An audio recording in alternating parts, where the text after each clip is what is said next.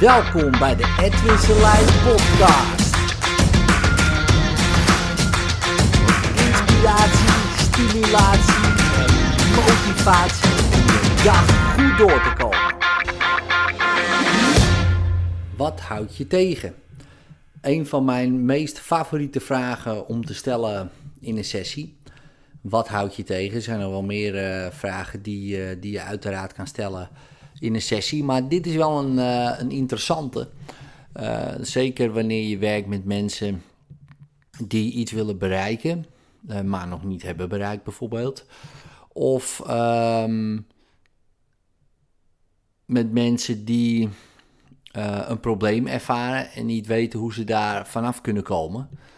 Um, dan zijn, is dit wel een interessante vraag, want als je bijvoorbeeld hoort van mensen: ik kan het niet, of ik wil het niet, of ik durf het niet, um, dan zou je kunnen vragen: oké, okay, wat houd je tegen? Dat is een hele interessante vraag, omdat je dan inzicht krijgt in die uitspraak. Want uh, ze hebben ergens intern allerlei processen spelen zich af. Ze doen allemaal dingen en dan zeggen ze: Ja, nee, dit kan ik niet. En denk ik: Oké, wat houd je tegen? Is dat bijvoorbeeld iets dat je nog moet leren, een vaardigheid? Is dat een, uh, misschien wel een beperkende overtuiging en gewoon een regel in je, in je kop die uh, zegt: Ja, nee, maar uh, jongens kunnen dit niet, of meiden kunnen dit niet, of weet ik veel wat voor regel. Um, is het iets wat jij niet kan um, in die omgeving bijvoorbeeld. Dus er zijn heel veel dingen die uh, er op de achtergrond spelen, die je dan zou kunnen uitvragen. Nou, wat houdt jou nou tegen? Nu zijn er nog veel meer vragen. Want de andere kant van die vraag, want dit geeft inzicht, zeg maar, wat er intern uh, afspeelt. Dus ergens doet iemand iets binnen in zijn ja, zijn hoofd eigenlijk. Um, en dan komt hij tot die uitspraak. Uh, en zo komen wij erachter, een beetje tenminste achter, wat er binnenin omgaat. Hè? Als je zegt, wat houd je tegen? Ja, ik voel gewoon angst. Oké, maar uh, wat bedoel je dan precies met die angst? Ja, ik ben gewoon bang dat mensen mij uh, uitlachen. Oké. Dus dan opeens bijvoorbeeld weten we, oké, omdat mensen, jij bang bent uh, dat mensen je uitlachen, daardoor kan je het niet. Dus dat is dan, dat was in dit fictieve voorbeeldje. Nou, dan kan je daar weer op doorvragen. Je kan ook andersom doen. Um, oké, je kan het niet, maar wat zou er nou gebeuren als je het wel zou doen? Of ik durf het niet. Nou, wat zou er nou gebeuren als je het wel zou doen? Nou, dan krijg je uh, antwoorden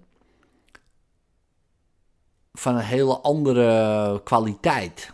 In de zin van je krijgt informatie die zich extern afspeelt. Dus wat houd je tegen is een vraag van oké, wat gaat er binnen in jou om waardoor je die beslissing maakt? Of dat je die uitspraak doet bedoel ik. Um, en die andere vraag is wat zou er gebeuren als je wel uh, zou doen? Dan krijg je een uitspraak die meer extern gericht is. Ja, als ik het wel zou doen, dan uh, kan er dit en dit en dit gebeuren. Dus meer uh, buiten jou om. Nou, en twee, die twee vragen zijn super interessant, omdat je dan weet van, als je die uh, gaat stellen aan mensen, hè, wat zou er nou gebeuren als je het wel zou doen?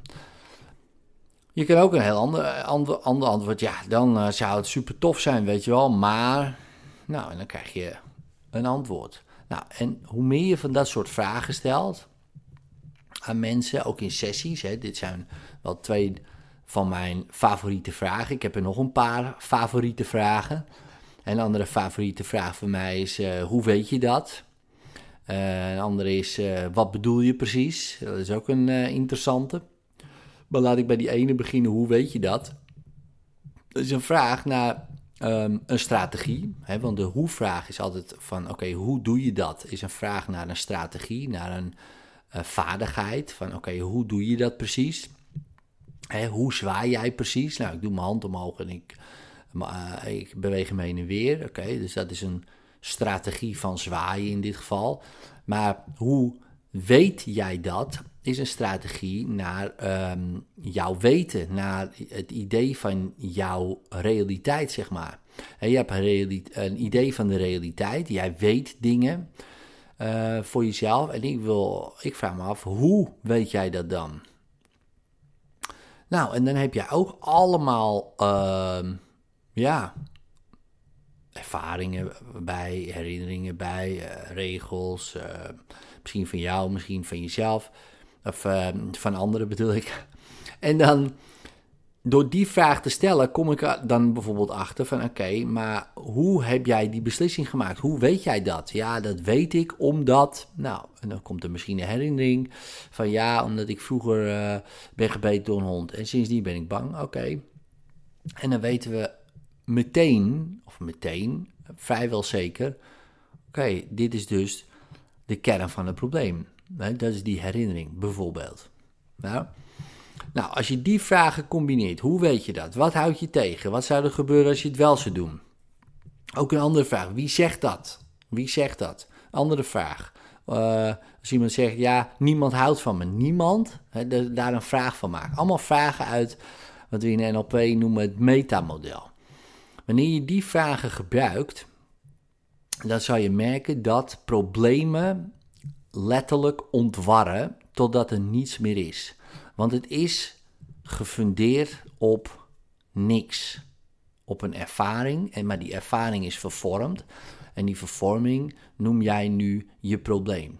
Maar als we dat helemaal gaan ontleden, echt helemaal gaan ontleden, met, met allemaal dat soort vragen. En er is natuurlijk nog zijn niet alleen die vragen, maar ook bijvoorbeeld met goede suggesties, met herkaderingen, met tegenvoorbeelden, met allerlei andere, uh, misschien wel een klein beetje provocatie, maar in ieder geval in een goed gesprek waarin het duidelijk wordt wat je nou echt aan het doen bent. Dus niet wat je denkt dat je aan het doen bent, maar wat je nou echt aan het doen bent.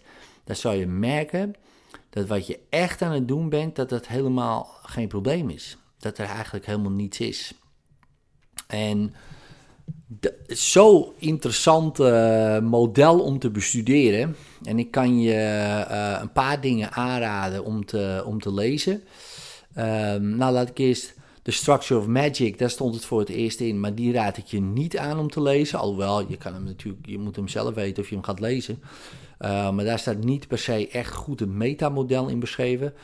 Maar wat ik je wel kan aanraden, is om een cursus uh, van Michael Breen. Dat is een NLP Master Trainer.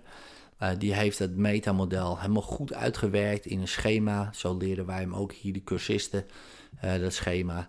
Dus voor mij was dat echt de meest gro grote eye-opener aller tijden van dat model. Want ik vond het een verschrikkelijk model.